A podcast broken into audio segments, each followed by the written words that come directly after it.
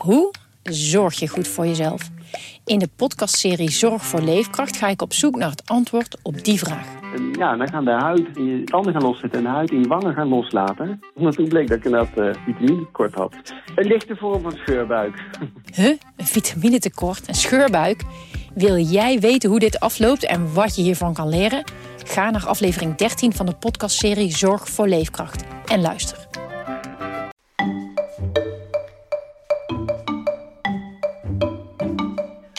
Verbonden met huisartsenpraktijk Wedde. Er volgt nu een keuzemenu. Voor spoed toets 1. Huisartsen die stoppen met werken hebben grote moeite een opvolger te vinden. Voor En- de apotheek toets 2. Voor de huisartsenzorg toets 3. Indien u geen keuze maakt, wordt u automatisch doorverbonden met de assistente. En in steeds meer plaatsen, waaronder Emmen, komen nieuwe patiënten op een wachtlijst. Dat is een probleem. Niet alleen omdat huisartsen steeds meer zorg moeten overnemen van het ziekenhuis en daarnaast ook nog de zorg dragen voor ouderen die vaker en langer thuis wonen, maar bovenal is het Op dit huisartsentekort een moment probleem zijn alle assistentes in gesprek. Een ogenblik geduld alstublieft. Dat huisartsentekort dat is een probleem omdat iedereen altijd en overal bij een huisartsenpraktijk terecht moet kunnen. En dus zoeken huisartsen oplossingen. Dit is Stamcafé Het Noorden, een podcast van Dagblad van het Op Noorden. dit moment waar- zijn alle assistentes in gesprek. Een ogenblik geduld alstublieft. Waar elke twee weken spraakmakend nieuws wordt besproken met een verslaggever en betrokkenen. Ik ben Marjolein Knol en in deze aflevering praat ik niet met één, maar met twee verslaggevers. Marieke Kwak en Arend van Wijngaarden. Op dit moment zijn alle assistentes in gesprek. Een ogenblik geduld alstublieft. Zij schreven allebei over het huisartsentekort op het platteland. Marieke deed dat omdat ze vaker over Emmen schrijft en Arend, eh, die schrijft altijd over de zorg.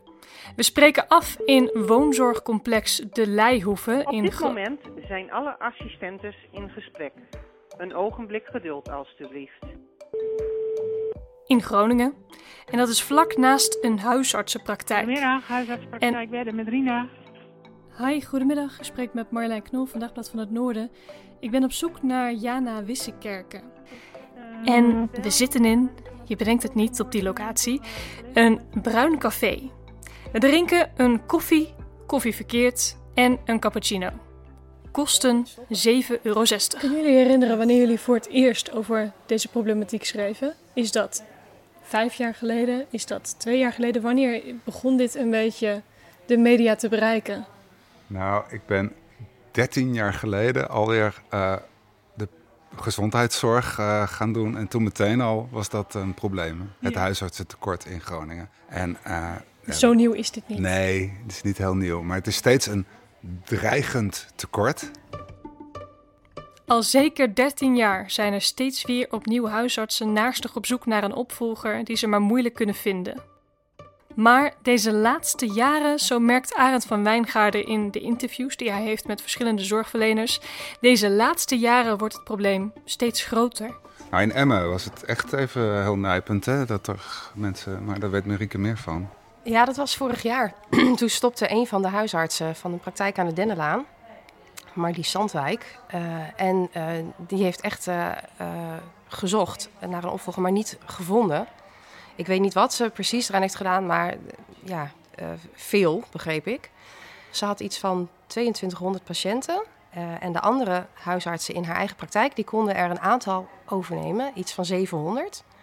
Maar voor die andere 1500 eh, was er geen oplossing. En die hebben toen een brief in huis gehad eh, van, ja, van de huisarts van ik ga stoppen en ik heb geen opvolger kunnen vinden. En jullie eh, ja, zullen zelf op zoek moeten naar een andere dokter. En dat heeft toen wel voor wat ophef gezorgd. Het viel patiënten rauw, rauw op het dak. En zo zijn er waarschijnlijk de komende tijd steeds meer praktijken waar geen huisarts is te vinden die het bedrijf van de praktijk wil overnemen. Het probleem speelt in heel Nederland. Uit een inventarisatie van de Volkskrant blijkt dat tenminste 200 praktijkhouders grote moeite hebben een opvolger te vinden. met name aan de rand van het land.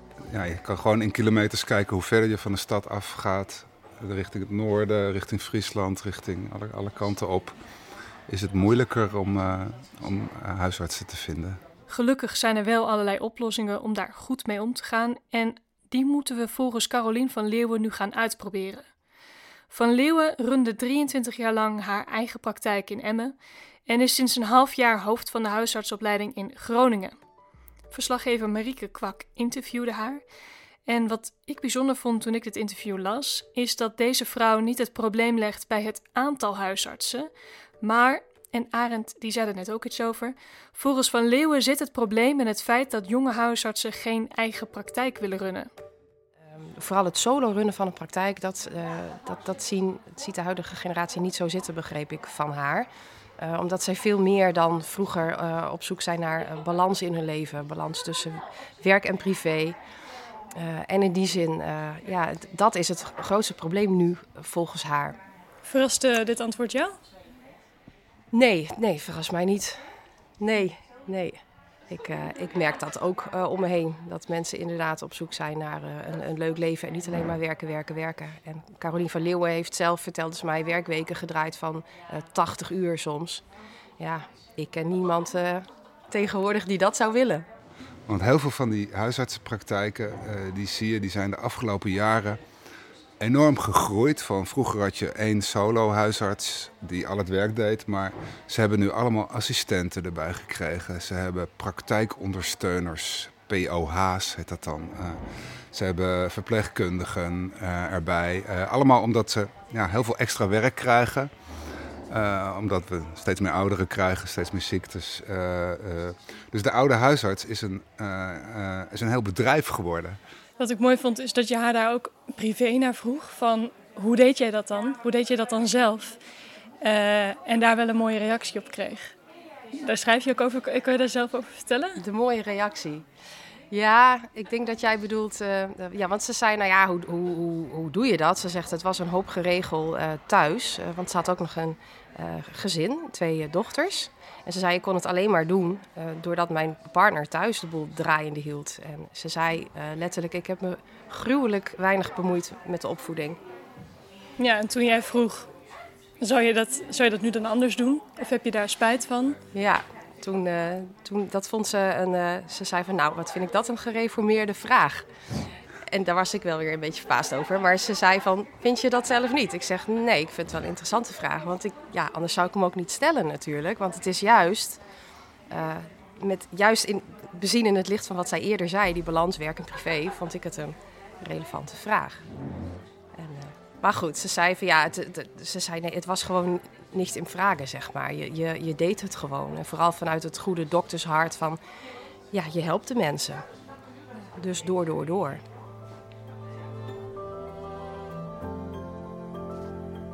Een jonge huisarts die nog wel een eigen praktijk wil runnen is Jana Wissekerken. Zij komt uit Amsterdam en nam dit jaar een huisartsenpraktijk over in Oost-Groningen, om precies te zijn in het dorpje Wedde.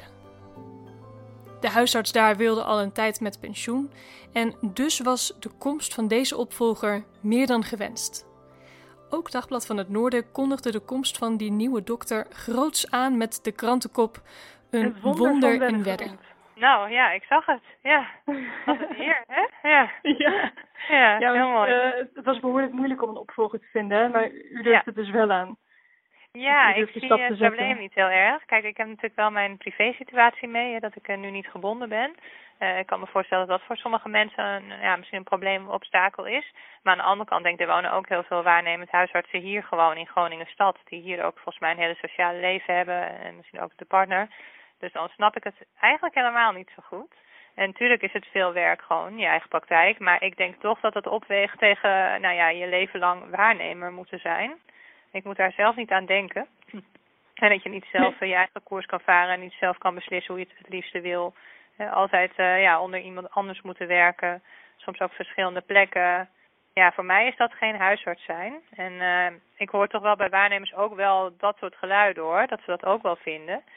Maar ja, ik denk dat ze toch bang zijn voor ja, alle papieren de rommel en, en gewoon een hele romslomp die erbij komt kijken. Dus ik, ja, dat wordt vaak gezegd. Hè? Een praktijk overnemen, dat is gewoon ontzettend veel werk. En daar heeft de nieuwe generatie uh, die, die, die, wil graag een andere, die maakt een andere keuze. Die wil wat meer balans tussen werk en privé.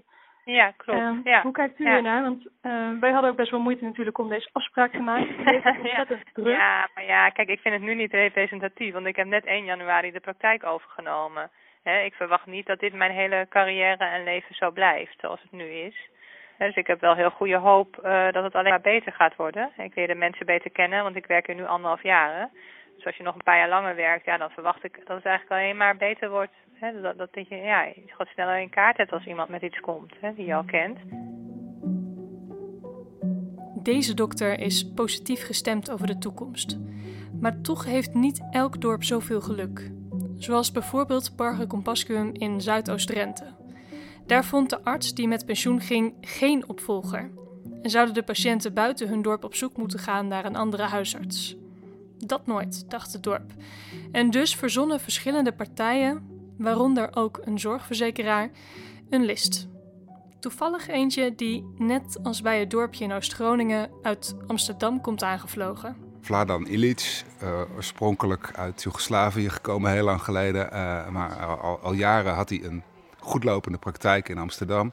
En hij vertelde dat hij uh, op een dag in zijn praktijk kwam en uh, uh, daar zat een assistente die hem niet kende en hij kende haar niet.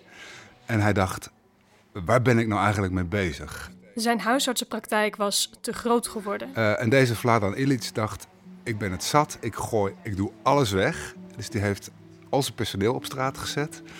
Uh, die heeft al zijn systemen, uh, zijn computersystemen, gewoon de stekker eruit getrokken. En die is helemaal opnieuw begonnen met alles online te doen. dus net zoals zeg maar banken en verzekeraars en zo doen.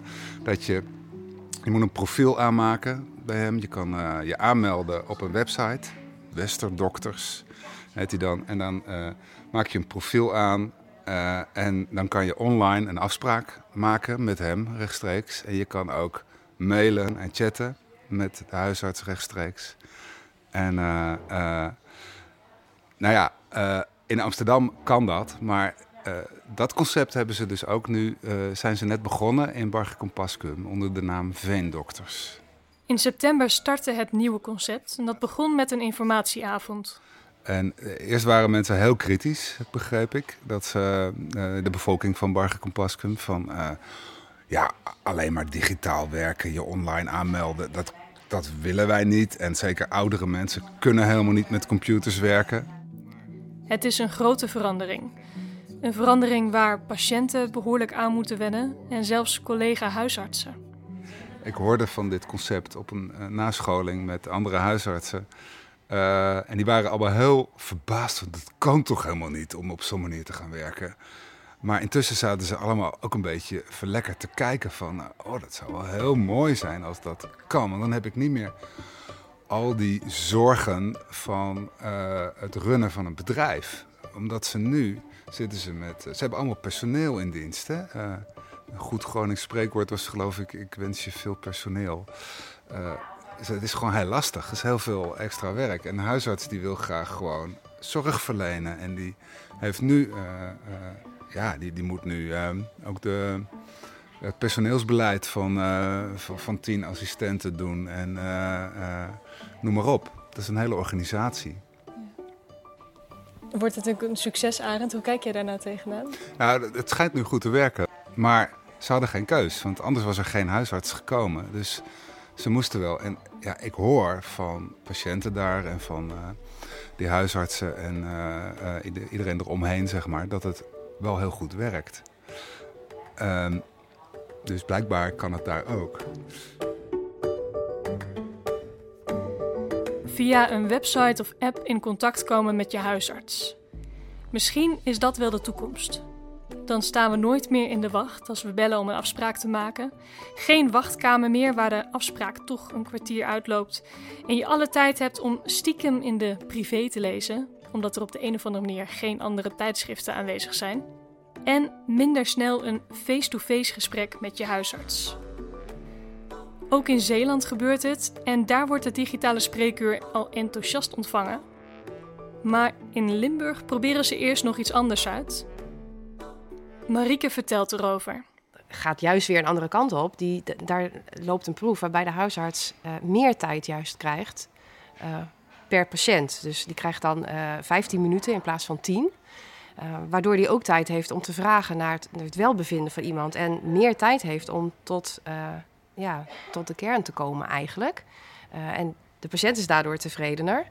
Ehm, het levert minder doorverwijzingen op naar het ziekenhuis, meetbaar, een kwart minder. Uh, de dokter heeft minder stress en werkdruk, omdat hij ter plekke al beter tot een oplossing kan komen en niet na die tijd nog daar heel veel tijd aan hoeft te besteden. Dus dat is ook, ook een voorbeeld van een experiment. Waar trouwens de zorgverzekeraar, heb ik begrepen, weer um, op dit moment weer niet zo heel uh, erg voorstander van is om het nog langer door te laten gaan. Voor, nou, uh, omdat, omdat het vooral omdat het minder doorverwijzingen naar het ziekenhuis oplevert, waardoor een, een ziekenhuis in de buurt, uh, heeft het al redelijk moeilijk, het nu nog moeilijker krijgt. Ja, dat kan toch geen reden zijn? Oh, dat is. Uh, ja, dus, uh, dus zo spelen er allerlei. Uh, zo spelen er ja, allerlei spelen dingen allerlei in deze wereld. belangen ja. in deze wereld. Ja. Hè? Dat moet je ook maar Carolien van Leeuwen die zegt van ga alsjeblieft die experimenten aan. De, een bedrijf als Philips eh, ontwikkelt ook eerst allerlei prototypes die in de prullenbak belanden uh, voordat ze tot het goede ontwerp uh, komen. Dus uh, alsjeblieft, zorgverzekeraars, maak daar geld voor vrij. Reageren op deze aflevering, dat kan. Spreek je vragen of opmerkingen in op je dictafoon. Die heeft elke telefoon. En mail hem door naar stamcafé apenstaartje dvhn of WhatsAppen, dat mag natuurlijk ook. Het telefoonnummer staat in de beschrijving van deze aflevering. En een geluidswhatsappje is natuurlijk vooral welkom. Eerste nieuwe bericht. Hallo, met Jana Wissekerken, huisarts te Wedde. Um, nou, ik uh, heb een boodschap aan alle andere uh, jonge huisartsen, waarnemers. Zet gewoon die stap, neem een praktijk over, zeker in de periferie, de provincie. Hartstikke leuk werken hier. Leuke patiënten, mooie omgeving. Uh, geeft veel rust. Um, dus nou, gewoon doen. Dag!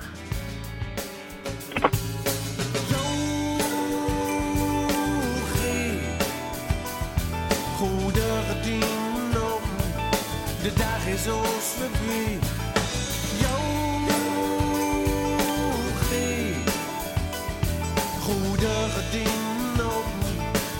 Een schijn ook voor die.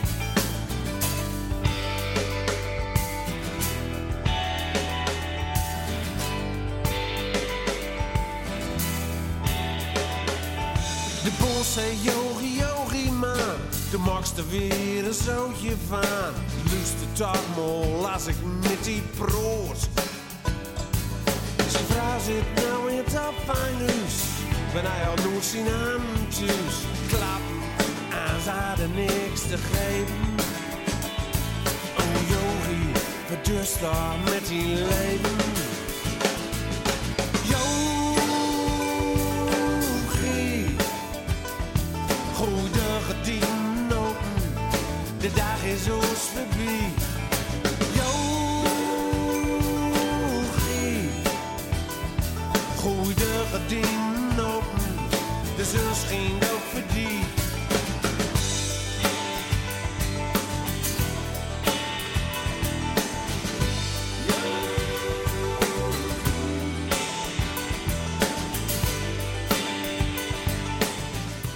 twee weken dan is er weer een nieuwe aflevering. Dit is een podcast van Dagblad van het Noorden, gemaakt door mij Marjolein Knol en eindredactie door Joep van Ruiten.